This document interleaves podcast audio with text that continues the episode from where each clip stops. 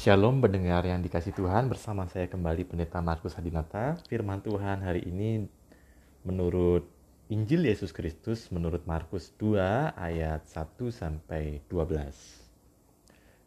Kemudian sesudah lewat beberapa hari, waktu Yesus datang lagi ke Kapernaum, tersiarlah kabar bahwa ia ada di rumah. Maka datanglah orang-orang berkerumun sehingga tidak ada lagi tempat bahkan di muka pintu pun tidak. Sementara ia memberitakan firman kepada mereka, ada orang-orang datang membawa kepadanya seorang lumpuh digotong oleh empat orang. Tetapi mereka tidak dapat membawanya kepadanya karena orang banyak itu. Lalu mereka membuka atap yang di atasnya. Sesudah terbuka, mereka menurunkan tilam tempat orang lumpuh itu terbaring. Ketika Yesus melihat iman mereka, berkatalah ia kepada orang lumpuh itu, "Hai anakku, dosamu sudah diampuni." Tetapi di situ ada juga duduk beberapa ahli Taurat. Mereka berpikir dalam hatinya, "Mengapa orang ini berkata begitu?" Ia menghujat Allah. Siapa yang dapat mengampuni dosa selain daripada Allah sendiri? Tetapi Yesus segera mengetahui dalam hatinya bahwa mereka berpikir demikian, lalu ia berkata kepada mereka, "Mengapa kamu berpikir begitu dalam hatimu?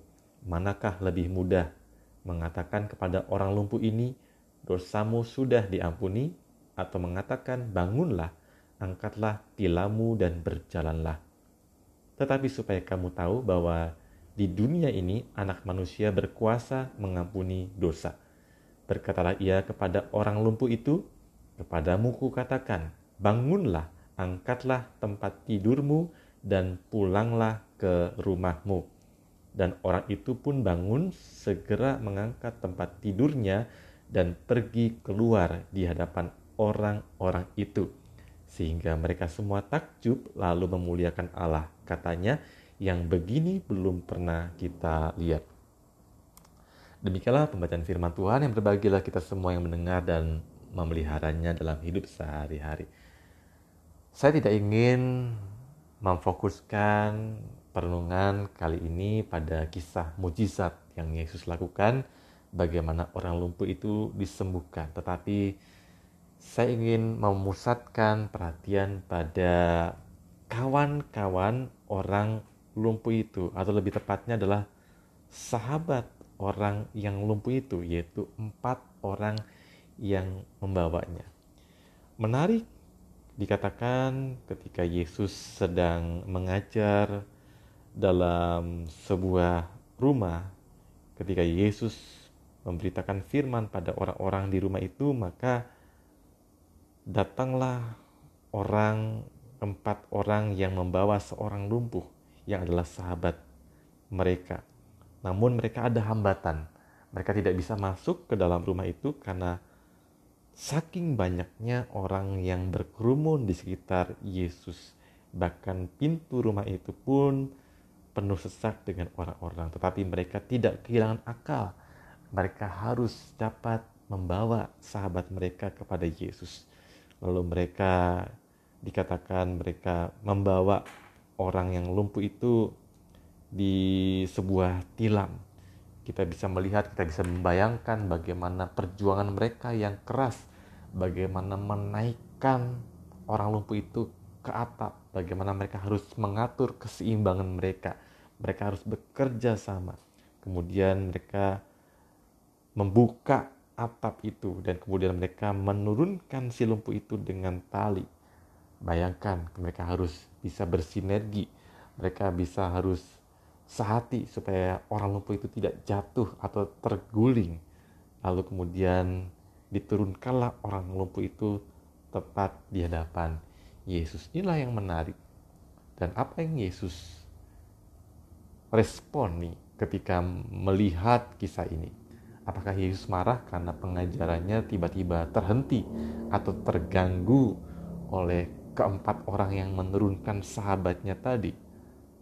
Tidak, ternyata Yesus tidak merasa terganggu atau Yesus marah terhadap interupsi yang dilakukan oleh mereka. Tetapi sebaliknya Yesus mengatakan ketika melihat apa yang dilakukan oleh mereka kemudian kemudian Yesus melihat dikatakan ayat 5 ketika Yesus melihat iman mereka menarik ayat 5 ketika Yesus melihat iman mereka jadi tidak hanya iman si lumpuh tetapi iman mereka artinya iman dari juga dari sahabat-sahabat si lumpuh itu. Yesus memuji iman mereka.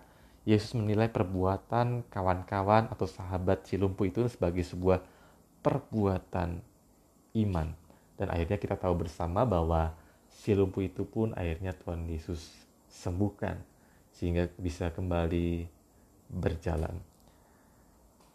Kualitas sahabat yang dimiliki oleh si lumpuh itu sesungguhnya sangat mengagumkan. Berapa banyak di antara kita yang punya sahabat yang sungguh-sungguh menerima keberadaan diri kita.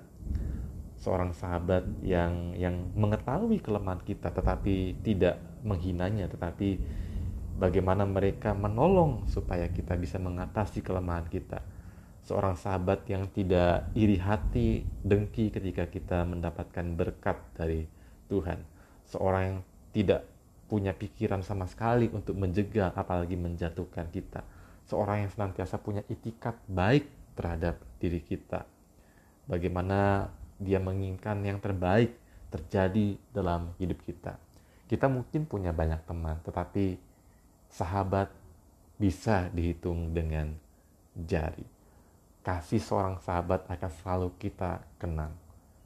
Dan kita bisa melihat bahwa orang lumpuh itu disembuhkan karena mujizat Tuhan Yesus. Tetapi lebih lagi hati orang lumpuh itu tentunya akan sangat tersentuh oleh perhatian, cinta kasih dari keempat sahabatnya yang membawanya kepada Tuhan Yesus dan mengalami kesembuhan.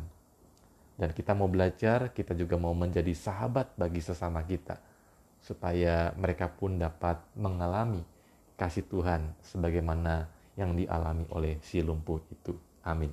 Kita berdoa. Tuhan kami bersyukur apabila Engkau menghadirkan di sekitar kami orang-orang yang sungguh-sungguh menerima kami apa adanya. Orang-orang yang jujur, menolong kami, dan juga ingin yang terbaik dari kami supaya kami bisa menjalani hidup ini dengan sebaik-baiknya. Mereka yang jauh daripada iri hati, dengki, apalagi niat jahat dan bila kami boleh senantiasa memelihara ikatan persahabatan yang demikian dan ajar kami juga untuk dapat menjadi sahabat bagi sesama kami yang memberikan waktu, tenaga, pikiran, kasih kami sehingga sahabat kami ini dapat mengenal Tuhan lewat kasih yang kami berikan. Amin.